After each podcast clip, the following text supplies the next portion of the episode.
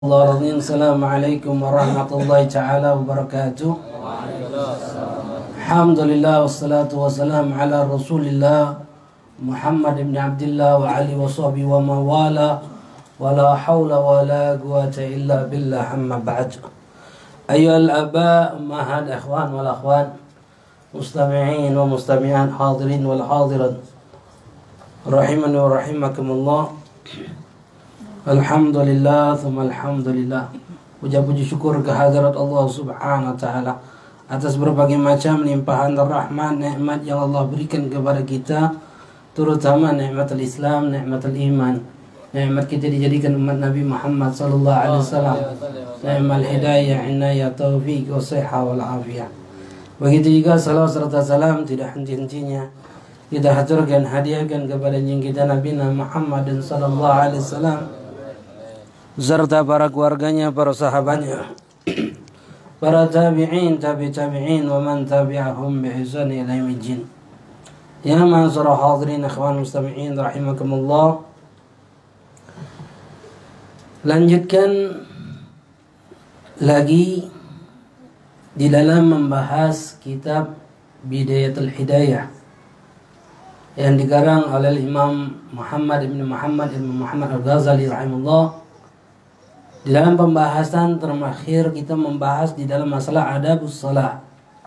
Di dalam adab salat yang kemarin kita bahas adalah di antaranya kita membahas di dalam masalah sunnah di dalam adzan dan ke qamat. Siapa yang adzan pertama kali? Riwayat dari siapa? Mimpi dari siapa? Mimpi dari siapa? Mimpi dari siapa? Pangkunya kalau belajar itu ny nyatet. Kalau belajar itu ny nyatet. Kalau nyatet tidak ingat. Siapa? Abdullah bin Zaid bin Abdul Rabbah. Beliaulah yang pertama kali mimpi lalu dibenarkan oleh Rasulullah SAW lalu diperintahkan untuk mentalkin kepada Sayyidina Bilal dan Sayyidina Bilal lah yang adzan. Jadi Sayyidina Bilal adalah orang yang pertama kali adzan di dalam is Islam. Sebagaimana kemarin adab di dalam solat, Imam Ghazali mengatakan faida hadra qalbuka fala tatrqa iqamah wa in kunta wahdak. وإن انتظرت حضور الجماعة فعظم ثم أقيم فإذا قمت فانوي وقل في قلبك وأدي فرض ظهري لله تعالى Imam Ghazali beliau mengatakan di dalam adab solat yang pertama hendaklah kau uh, solat sebelum solat hendaklah kau komat iqamah iqamah ini disunahkan solat walaupun kita dalam salah keadaan solat sendiri sendirian ini ketika hendak melakukan solat wajib disunahkan kita iqamah Kamah atau komat mengatakan jika kita berjamaah disunahkan kita untuk adzan dulu baru iga igamah mengatakan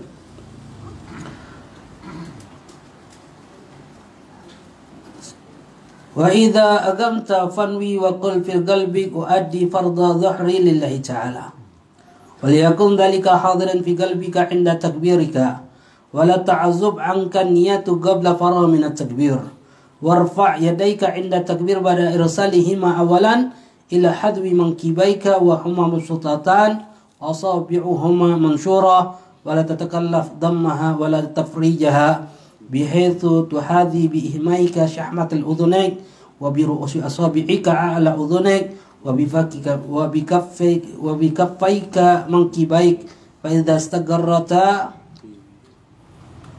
في مقرهما فكبر ثم أرسلهما برفق. ولا تدفع يديك عند رفع وإرسال إلى قدام دفعا ولا إلى خلف رفعا. ولا تنفضهما يمينا ولا شمالا.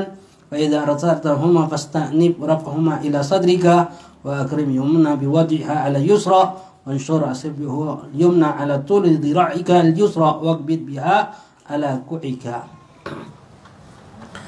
Imam Ghazali radhiyallahu anhu beliau mengatakan jika hendak sholat maka hadirkan di dalam hatimu niat untuk melakukan salat.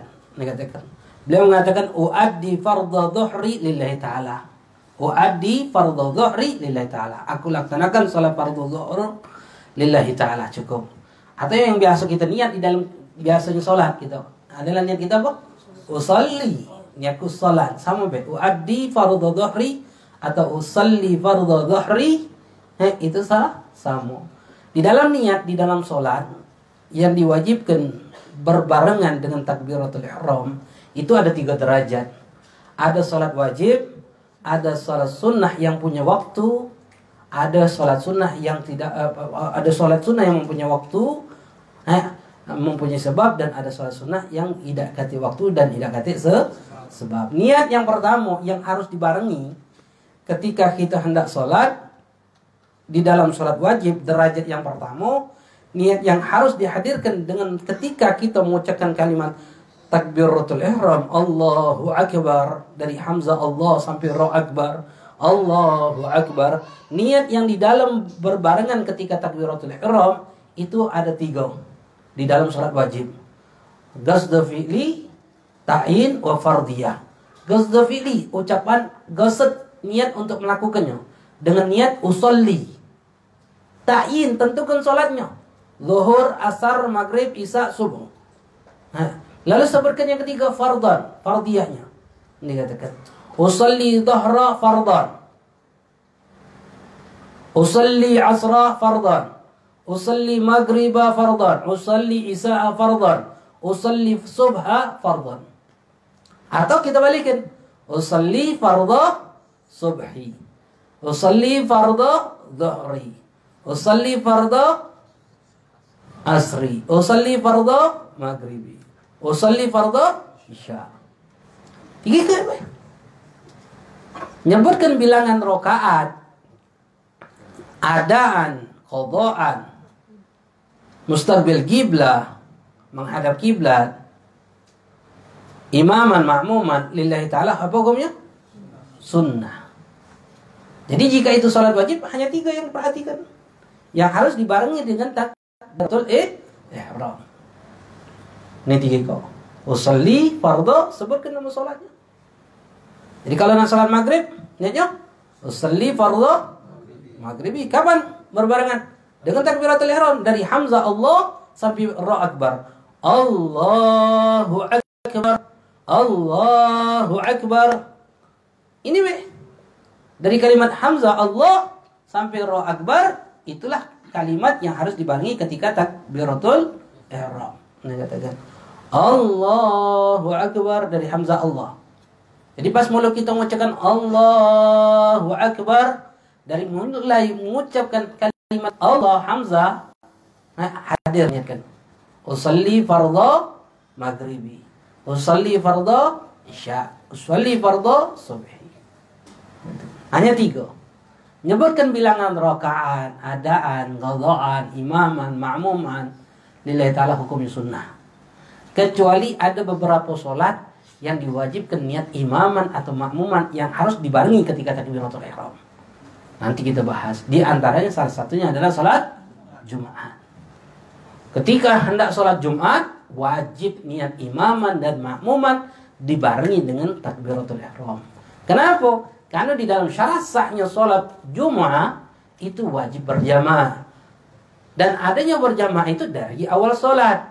Awalnya sholat adalah dari takbiratul ihram. Jadi kalau sholatul Jum'ah, usalli fardu Jum'ati imamah atau ma'muman. Ini katakan ini adalah Allah Akbar. Paham? Itu jika sholat wajib. Ini derajat yang pertama. Yang kedua, jika sholat sunnah. Yang mempunyai waktu atau mempunyai sebab. Jika sholat sunnah yang mempunyai waktu atau yang mempunyai sebab, yang diwajibkan niat yang dibarengi dengan takbiratul ihram cuma dua. Gasdu fi'li wa ta'in. Niat untuk melakukan sholat dan tentukan sholatnya. Contoh duha. Usalli duha. Usalli witra.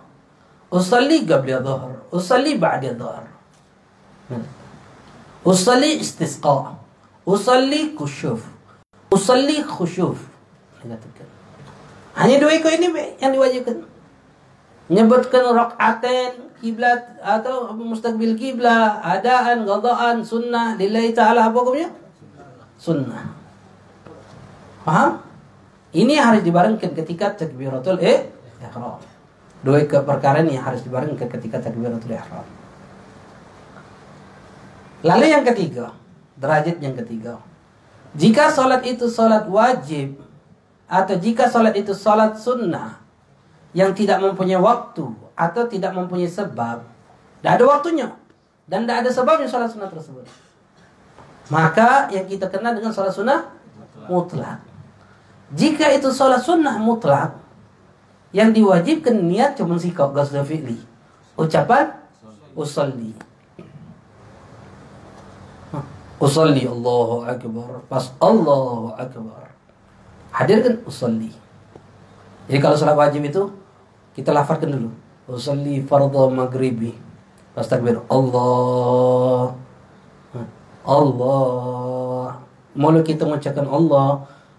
Hati kita melindaskan apa yang sudah kita lah, lafalkan. Makanya sebelum sholat disunahkan kita untuk melafalkan niat. Disunahkan untuk melafalkan niat tujuannya apa? untuk menghadirkan hati ketika takbiratul ihram memudahkan makanya lakukan usolli fardhu maghribi Allah pas Allah apa yang kita lafazkan tadi hadirkan melintaskan di dalam pikiran kita Allahu akbar kalau kita niat lagi usolli fardhu maghribnya pas takbir Allah usolli fardhu maghribi. Allah makanya kalau lama gitu. Kenapa? Karena kita tidak memulai menghadirkan niat sebelum sholat kita lafazkan dulu usalli fardhu maghribi. Apa yang kita baca itu kita ingat. Kita lintaskan. Allahu akbar. Gitu. yang lebih bagus lagi tambahkan seluruh eh, sunnah-sunnahnya.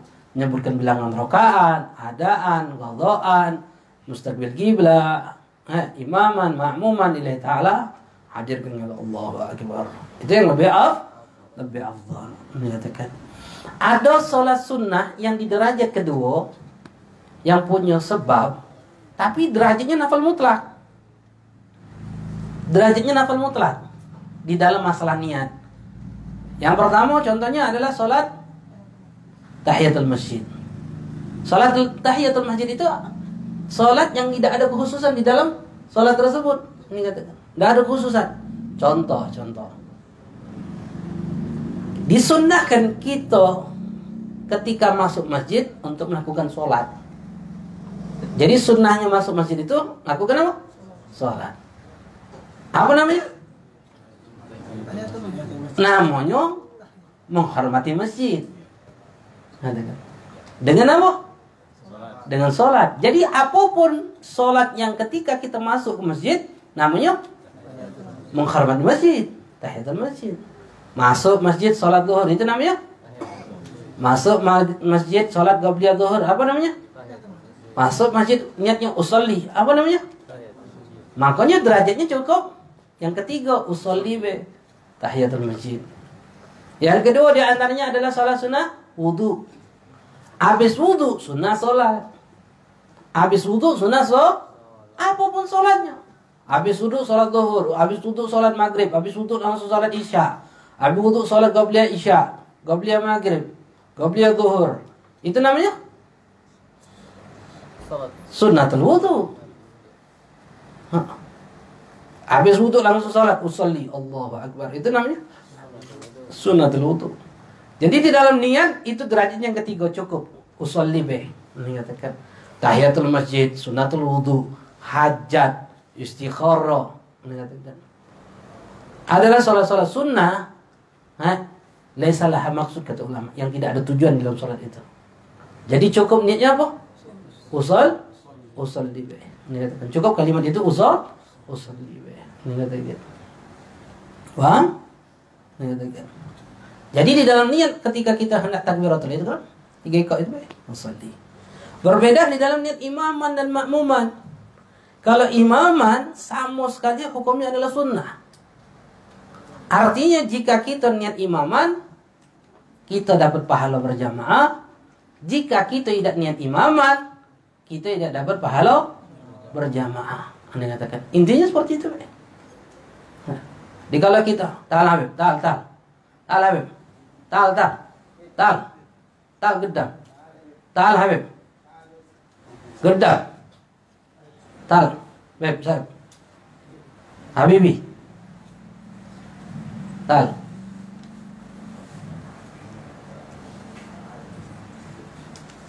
Website.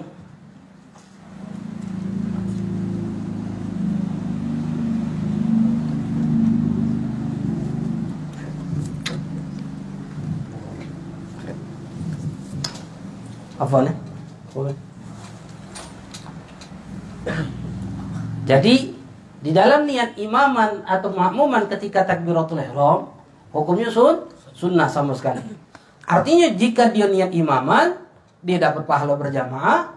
Jika dia tidak niat imaman maka dia dapat pahala berjamaah. Hah? Kecuali sholat Jumat tadi. Kalau sholat Jumat wajib dia niat, niat imaman. Kalau dia tidak niat imaman, tidak sagal galong sholat. Beda selain Jumat nantinya.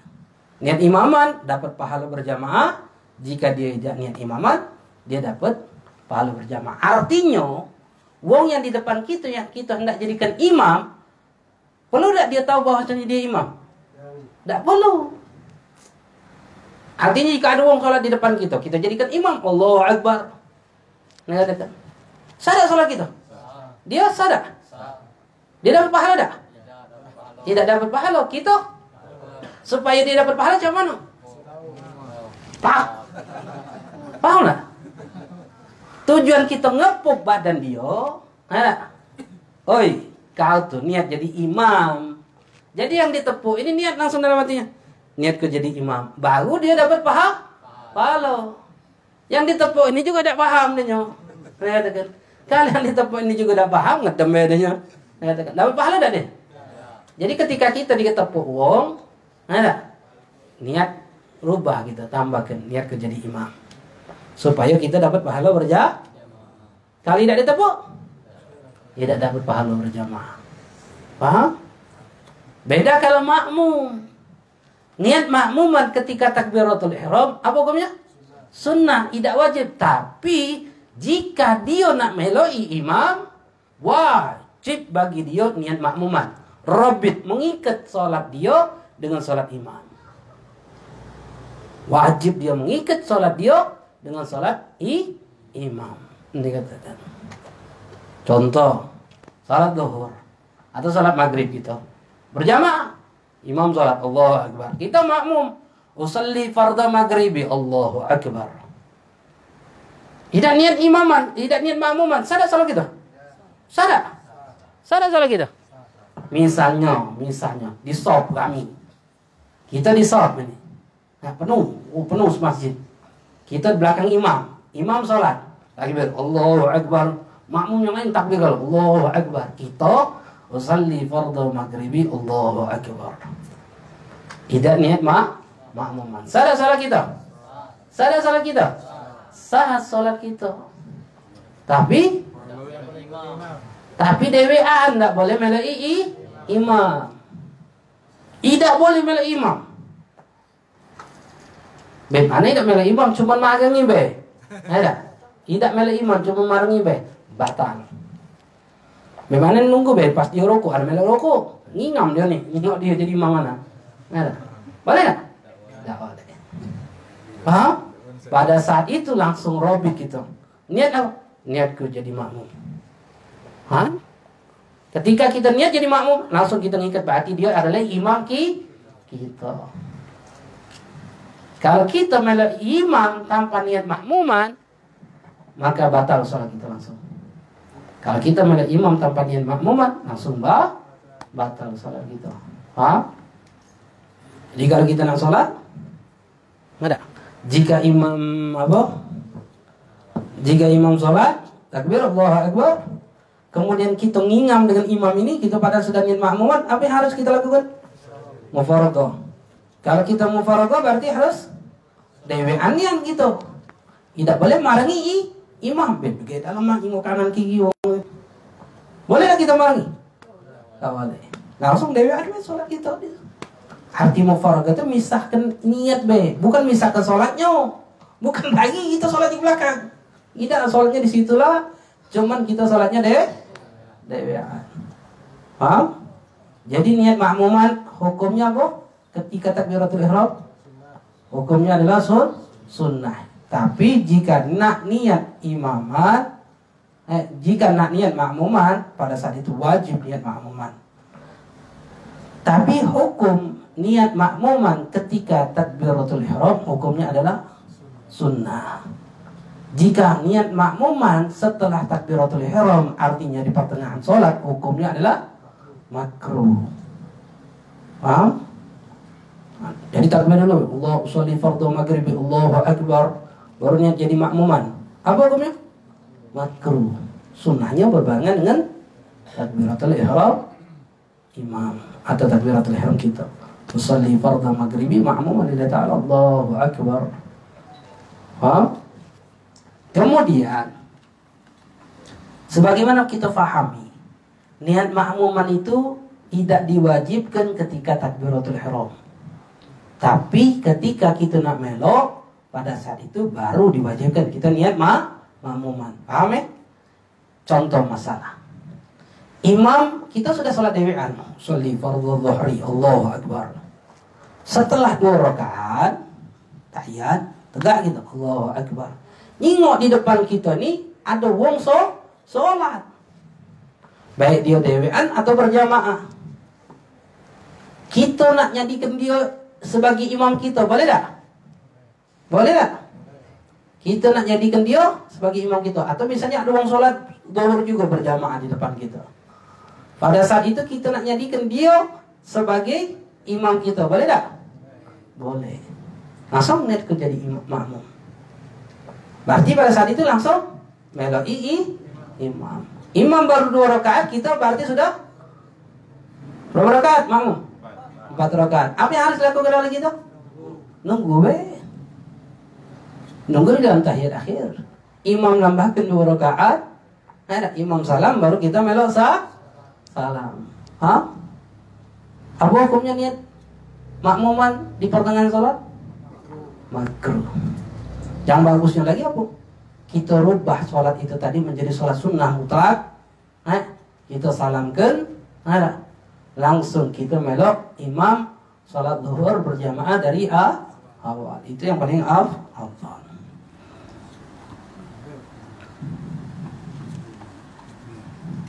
Maka Imam Ghazali beliau mengatakan wa'adi fardha dhahri lillahi ta'ala. Lalu beliau memberikan nasihat lagi. Wal yakun dhalika hadiran bi qalbika 'inda takbirika. Dan wajib niat tersebut harus dihadirkan ketika kita di dalam takbiratul ihram, di dalam hati kita. Wajib bagi kita menghadirkan niat di dalam hati kita ketika takbiratul ihram.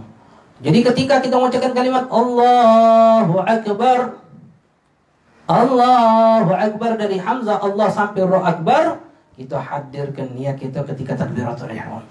Niat ini hukumnya wajib. Bagi siapa? Bagi kita yang bermadhab syah, syafi'i. Beda di luar madhab syafi'i. Di luar madhab syafi'i seperti Hanafi tidak mewajibkan niat. Artinya takbir takbir Allahu Akbar cukup dengan sholat. Itu luar madhab syafi'i. Makanya menunjukkan kepada kita Imam Syafi'i bermadhab Imam Syafi'i. Imam Imam Ghazali bermadhab?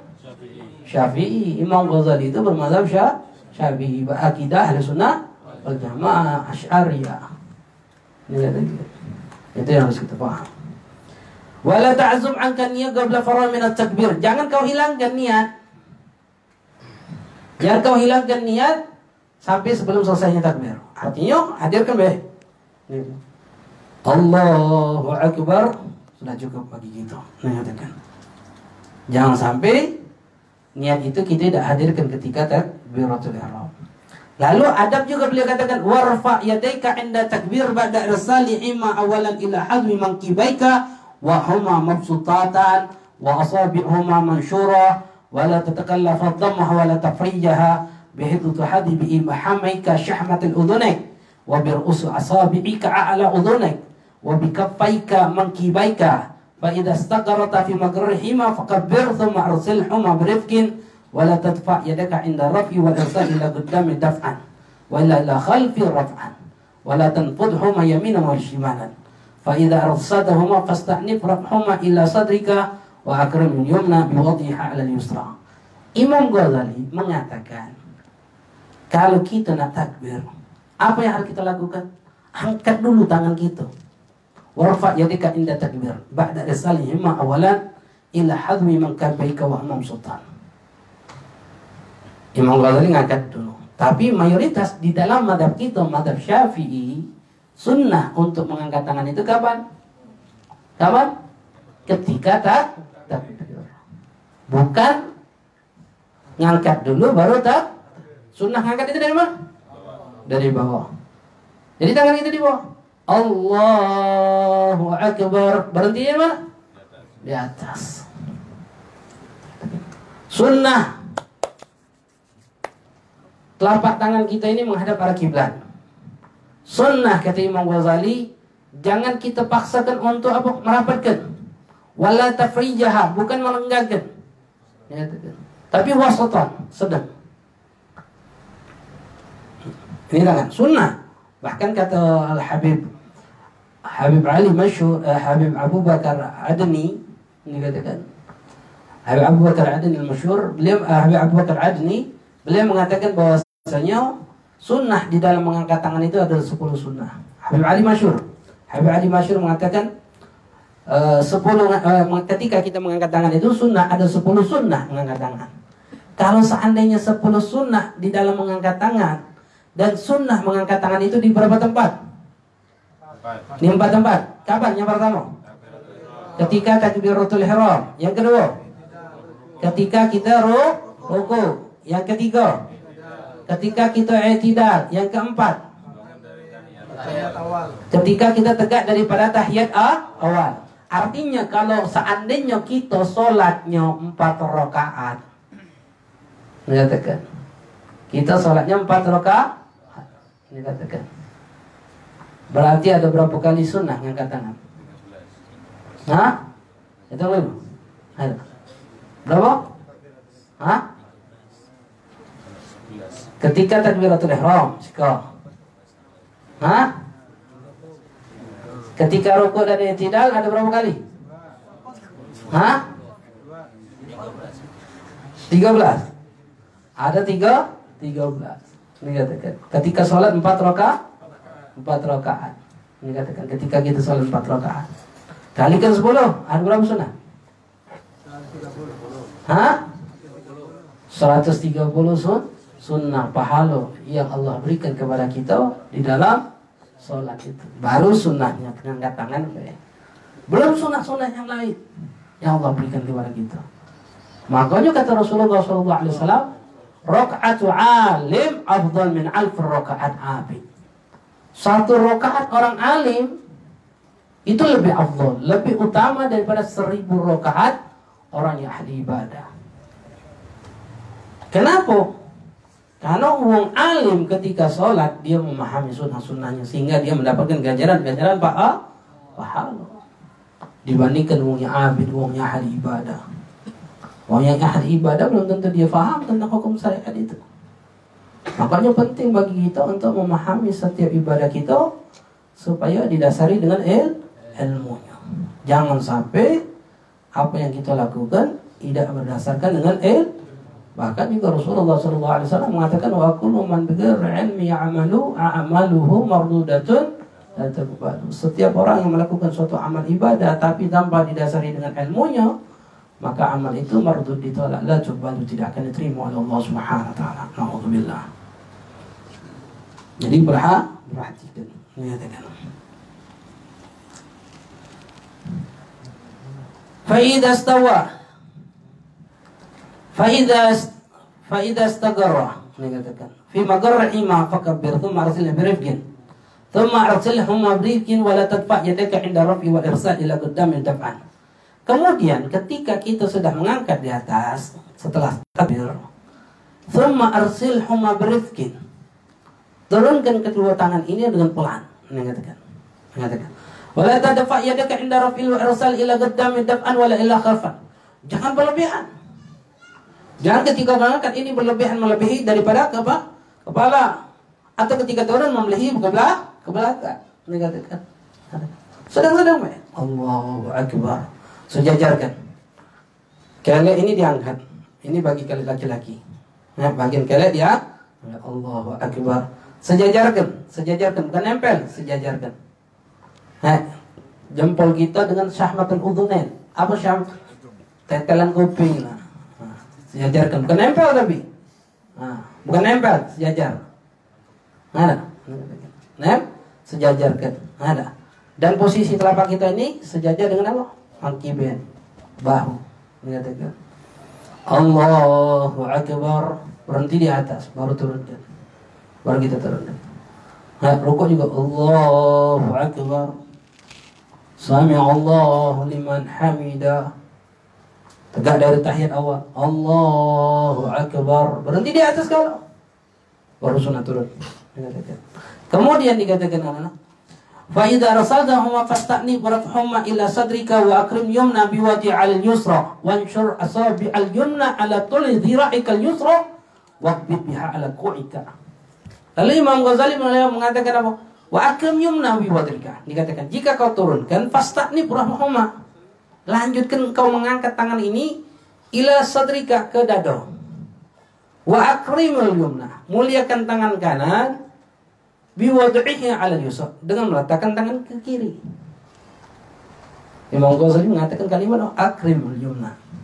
Muliakan tangan ke kanan. Bukan dia bukan meletakkan tangan kanan tapi boleh katakan muliakan tangan kanan dan meletakkan di tangan kiri tangan kiri. Karena tangan kanan ini disunahkan untuk kita letakkan di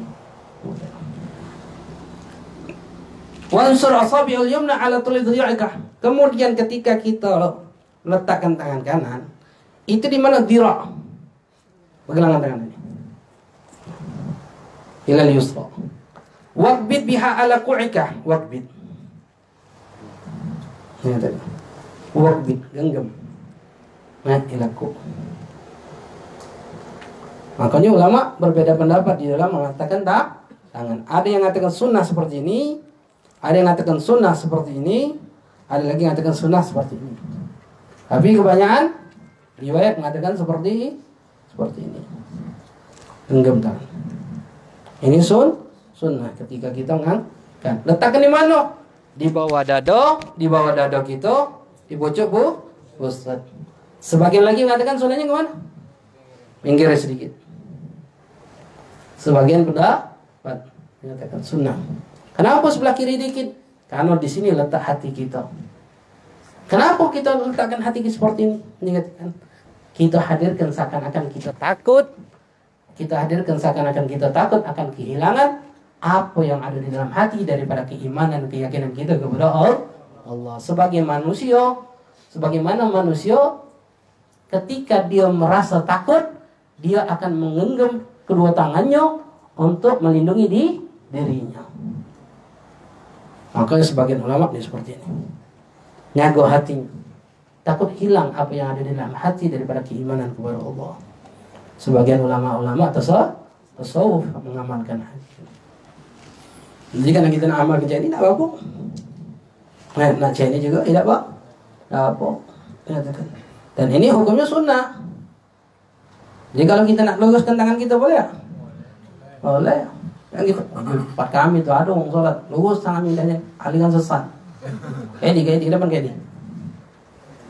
Hah? Sini. Ya, sudah ada wakil aja. Paham? Jadi meletakkan tangan ini apa hukumnya? Sun, sunnah. Ini katakan. Wagul ba'da takbir dan ucapkan setelah takbir Allahu akbar kabira walhamdulillah kathira subhanallahi bukratan wa asila ثم اقرأ وجهت وجهي للذي فطر السماوات والأرض حنيفا مسلما وما أنا من المشركين إن صلاتي ونسكي ومحياي lillahi rabbil alamin la syarika lahu bidzalika umirtu wa ana minal muslimin. Ini adalah doa ifti iftita. Sebagaimana tadi di masjid kita bahas doa iftita ini bah banyak, bukan sedikit. Di antara doa iftita yang dianjurkan dua riwayat. Nah, Allahu akbar kabira walhamdulillah katsira wa subhanallah wa bihamdihi wa Ini doa iftita titik. Wajjahtu wajhiya lilladzi fatara samawati wal arda hanifan musliman minal musyrikin. Itu juga doa iftitah sampai akhir. Alhamdulillah katsiran tayyiban mubarakan fihi. Itu juga doa iftitah. Subhanallah walhamdulillah wa la ilaha illallah Allahu akbar wa la haula wa Allahu akbar. Itu juga doa iftitah. Iftitah. Terus lagi Allahumma ba'id wa baini wa baina khataya kama ba'idta baina al-maghrib wal maghrib. Itu juga doa iftitah. Ada lima riwayat doa iftitah. Ada lima riwayat. Ya, jadi kalau kita baca subhanallah alhamdulillah wa la ilaha illallah Allahu akbar, itu juga doa iftitah. Alhamdulillah kathiran tayyiban mubarakan fihi, itu juga doa iftitah. Yang kita baca yang biasa ini sama seperti amalan Imam Ghazali ini. Menyatakan di antaranya Allahu Akbar kabira alhamdulillah katsira subhanallah bukratu wasilah. Inni wajjahtu wajhiyah. Itu dua riwayat. Itu daripada dua riwayat, dua riwayat. Bahkan akhrajahu Imam Tayalasi wa Abu Dawud Ibnu Majah Ibnu Khuzaimah Ibnu Hibban An Jabir bin Mat'am dikatakan dan disebutkan oleh Imam Nawawi dalam kitab Al Adhkarnya dikatakan. Kemudian ini wajah tu wajahiyah tu atau wajah tu wajahiyah riwayat daripada Imam Ahmad, Imam Muslim, Abu Dawud, Tirmidzi, wa Nasa'i an Ali radhiyallahu anhu. Dikatakan. Itu juga doa iftitah. Disunahkan kita untuk membaca doa iftitah. Sebagaimana tadi arti dari kalimat iftitah itu adalah ikrar pengakuan kita kepada Allah Subhanahu wa taala menghadap Allah Subhanahu wa taala. Makanya tadi Anda katakan ketika kita mengucapkan kalimat wajhtu wajhiya lilladzi fatara samawati wal arda hanifan muslima wa ma ana minal musyrikin inna salati wa nusuki wa ma yahya wa mamati lillahi rabbil alamin. Sesungguhnya salatku inna salati wa nusuki ibadahku wa ma yahya hidupku wa mamati dan matiku lillahi rabbil alamin. Apakah seperti itu kita orang? Hah? Enggak, kita tidak seperti itu. Kita tidak sanggup mengorbankan nyawa kita untuk Allah. Sanggup? Sanggup kita korban untuk Allah? Siap nyawa kita untuk Allah? Hah? Sholat subuh lagi lewat kita. Nah, ngorbankan nyawa untuk Allah. Ya, Sholat subuh lewat. Sedekah kita basah kita mikir-mikir sedekah. Nak korbankan nyawa kita untuk Allah. Kalau arti kita siap mengorbankan nyawa untuk Allah, artinya syariat ini sudah berlaku kepada kita. Setiap perintah Allah pasti kita laksanakan. Setiap apa yang dimurkai oleh Allah pasti kita hindari. Kenapa? Karena hidup aku untuk Allah. Tapi kita tidak seperti itu. Makanya ulama, apakah kalimat itu bohong? Tidak, kata ulama. Kalimat itu tidak bohong, tapi kalimat itu adalah kalimat untuk kita menunjukkan kita pengen seperti itu. Kita berharap diri kita seperti itu. Inna sholati sungguh sholatku ini wa mamati dan matiku ini eh, hidupku dan matiku karena Allah Subhanahu wa taala. Semuanya untuk Allah Subhanahu wa taala. Ibadahku untuk Allah Subhanahu wa taala. Kadang baik kita ibadah bukan karena Allah, majlis ta'lim bukan karena Allah, kadang.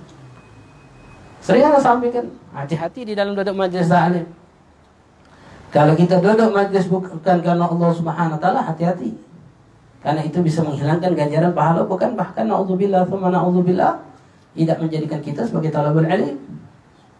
Rasulullah sallallahu alaihi wasallam mengatakan man talaba ilma mimma yabtaghi Allah bihi wajha la yata'alamu ila li ghirad dunya fa lam yajid arafa jannah atau kama qala Rasulullah sallallahu alaihi wasallam.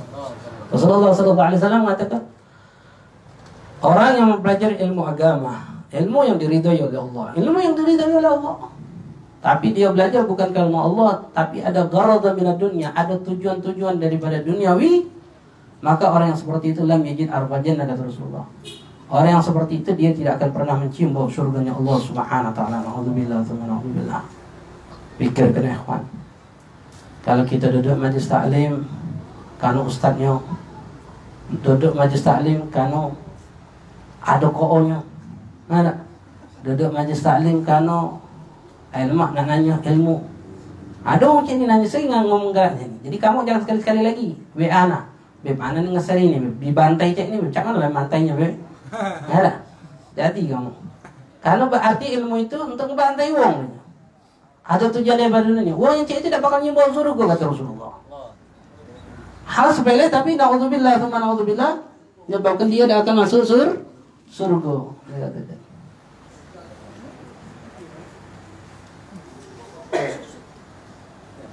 Ayo, betul, betul. Ya, Habib. Habib Hasan. Ayo, Habib Sogi, Habib Zain. Habib Hazim. Apa?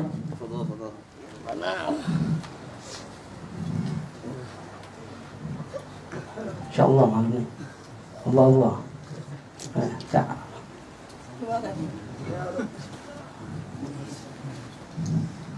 Tanya lagi, ini sih. Siup, siup, siup. Awas ya. Jadi ikhwan, perbaiki niat kita. Dalam masalah nih, ya jangan sampai ketika kita melakukan suatu amal ibadah kita bukan karena Allah Subhanahu wa taala. Menyatakan. Makanya pasanglah niat kita karena Allah Subhanahu wa taala, jangan sampai amal kita bukan karena Allah Subhanahu wa taala. Baterainya banyak. Gogo pada ustaz, ustaz. Setelah membaca doa iftitah, Imam Ghazali beliau mengatakan tsumma lalu katakanlah a'udzu billahi minasyaitonir rajim. Untuk mengucapkan kalimat ta'awudz a'udzu billahi minasyaitonir rajim. Setelah kita membaca doa iftitah, sunnah kita membaca ta'awudz. Kemudian ke tadi di dalam doa iftitah, juga ketika hendak melakukan apa membaca doa iftitah, ada syaratnya. Apa syaratnya tadi yang kita bacakan tadi? Yang pertama, apa syaratnya tadi? Syarat disunahkan kita untuk membaca doa iftitah di dalam sholat. Syaratnya yang pertama, apa? Bukan sholat jenazah. jenazah. Jadi kalau di dalam sholat jenazah ada doa iftitah tak? Tak kata. Jadi ingat-ingat jangan baca doa iftitah di dalam sholat jenazah. Karena tidak disunahkan untuk membaca doa iftitah. Yang kedua, ha, di antara sunnahnya tersebut apa? Tidak syurut di dalam kalimat ta'awud. Kalau telaju kita membaca A'udzubillah Telaju, telaju kita membaca surat apa Fatihah Bismillahirrahmanirrahim maka tidak disunahkan lagi doa iftitah. Kenapa? Karena sudah telaju membaca ta'awudz. Sudah telaju membaca Bismillah. Ini mayoritas dalam madhab Syafi'i. Tapi pendapat Fakir Muqaddam Thani Al-Habib Abdul Rahman Segaf beliau mengatakan apa? Tetap disunahkan baca doa iftitah. Walaupun ta'awudz, walaupun ta'awudz tetap disunahkan baca doa iftitah. Supaya apa? Supaya tidak terbiasa untuk meninggalkan doa iftitah. Yang ketiga syaratnya apa? Nah, jangan sampai waktu itu sempit. Misal, subuh terbit matahari jam 6 isyraq. Jam 6 kurang 5 menit atau jam 6 kurang 3 menit baru sholat subuh. Maka pada saat itu tidak disunahkan lagi untuk melakukan hal-hal yang disunahkan di dalam sholat. Pada saat itu hanya diwajibkan untuk mengambil hal-hal yang diwajibkan dalam sholat. Artinya apa? Takbiratul ihram, Fatihah, ruku, i'tidal, sujud, duduk, sujud, tegak lagi Fatihah lagi. Ruku lagi, i'tidal, sujud, duduk, sujud, tahiyat akhir, salam. Lihatkan. Jangan sampai waktu subuh itu keluar daripada waktu sholat tersebut. Paham? Kenapa waktunya sempit? Ketika kita waktu sempit, pada saat itu tidak disunahkan lagi untuk membaca doa iftitah. Ingat itu.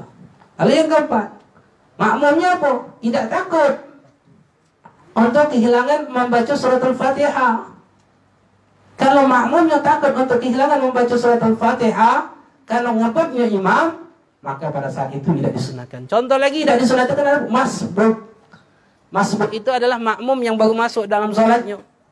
Makmum yang baru masuk di dalam sholatnya, yang pada saat itu imam sudah membaca surat, dia baru masuk Allahu Akbar. Maka pada saat itu si masbuk tidak disunahkan lagi baca doa iftitah. Langsung membaca surat Al-Fatihah. Lalu yang terakhir, apa? Si makmum tidak menemui imam di dalam posisi tegak. Kalau makmum menemui imam di posisi tegak, sunnah baca doa iftitah. Tapi jika makmum tidak menemui imam di posisi tegak, maka tidak disunahkan doa iftitah. Contoh, misal, imam posisi duduk tahiyat awal, makmum berhadir, Allahu Akbar. Langsung duduk. Baca tahiyat, jangan baca doa iftitah. Kenapa? Karena tidak disunahkan lagi baca doa iftitah. Kenapa? Karena menemui imam bukan di posisi tegak. Jika dia menemui imam di posisi tegak, maka disunahkan dia baca doa iftitah. Ha? Lima syarat di dalam sunnah untuk membaca doa iftitah. Begitu juga setahun. Disunnahkan untuk membaca ta'awun setelah doa iftitah. Disunnahkan untuk membaca ta'awun. A'udzubillahi minasyaitonir rajim setelah doa iftitah. Disunnahkan di dalam setiap rakaat di dalam sholat. Disunnahkan membaca ta'awun. A'udzubillahi minasyaitonir rajim di dalam setiap rakaat di dalam sholat sebelum membaca surat al-fatihah. Syaratnya sama dengan doa iftitah tadi. Kecuali siko. Apa? Di dalam sholat jenazah. Di dalam sholat jenazah doa iftitah tidak disunahkan. Tapi di dalam sholat jenazah ta'awudz itu disun disunahkan. Kenapa bakal membaca surat al-fatihah? Wah, itu juga syarat di dalam sunnah ta'awudz. Wallahu a'lam bisawab. Mudah-mudahan Allah Subhanahu wa taala berikan keberkahan dalam majlis kita. Menambahkan ilmu kita, dijauhkan dari segala perkara yang menyebabkan kita jauh dari Allah Subhanahu wa taala. Dan juga kita mintakan kepada Allah Subhanahu wa taala untuk kita, untuk orang yang kita cintai, orang yang mencintai kita, atau orang yang senang kepada kita, atau orang-orang yang pernah berbuat baik dalam hidup kita, atau orang-orang yang pernah kita zalimi atau yang menzalimi kita daripada kaum muslim muslimat. Kita mintakan kepada Allah Subhanahu wa taala mudah-mudahan Allah ampuni kita dan dosa mereka. Allah matikan kita dan mereka dalam keadaan husnul khatimah. Ya Allah biha, ya Allah biha. وارزقنا الله بحسن الخاتمة. آمين يا رب العالمين. بسم الله الرحمن الرحيم.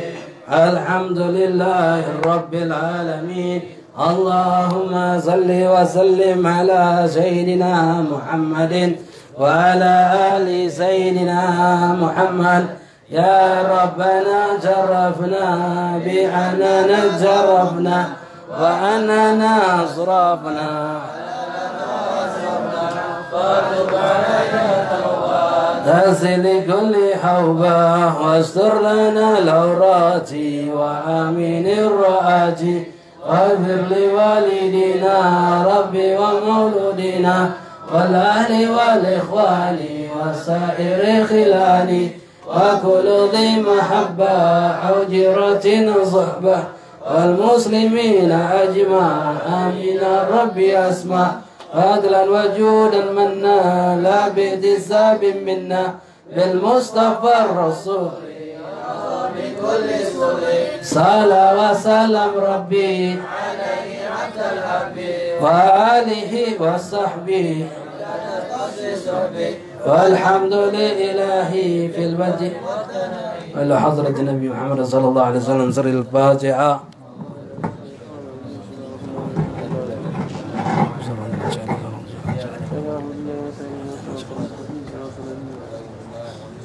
Bismillahirrahmanirrahim. Alhamdulillah rabbil alamin. Allahumma shalli ala sayyidina Muhammad wa ala ali sayyidina Muhammad. Rabbana taqabbal minna innaka antas samiul alim wa tub alaina innaka antat tawwabur rahim. Rabbana atina fid dunya hasanah wa fil akhirati hasanah wa qina adzabannar. Wa sallallahu ala sayyidina wa ala alihi wa sahbihi wasallam. Alhamdulillah rabbil alamin. Al-Fatihah.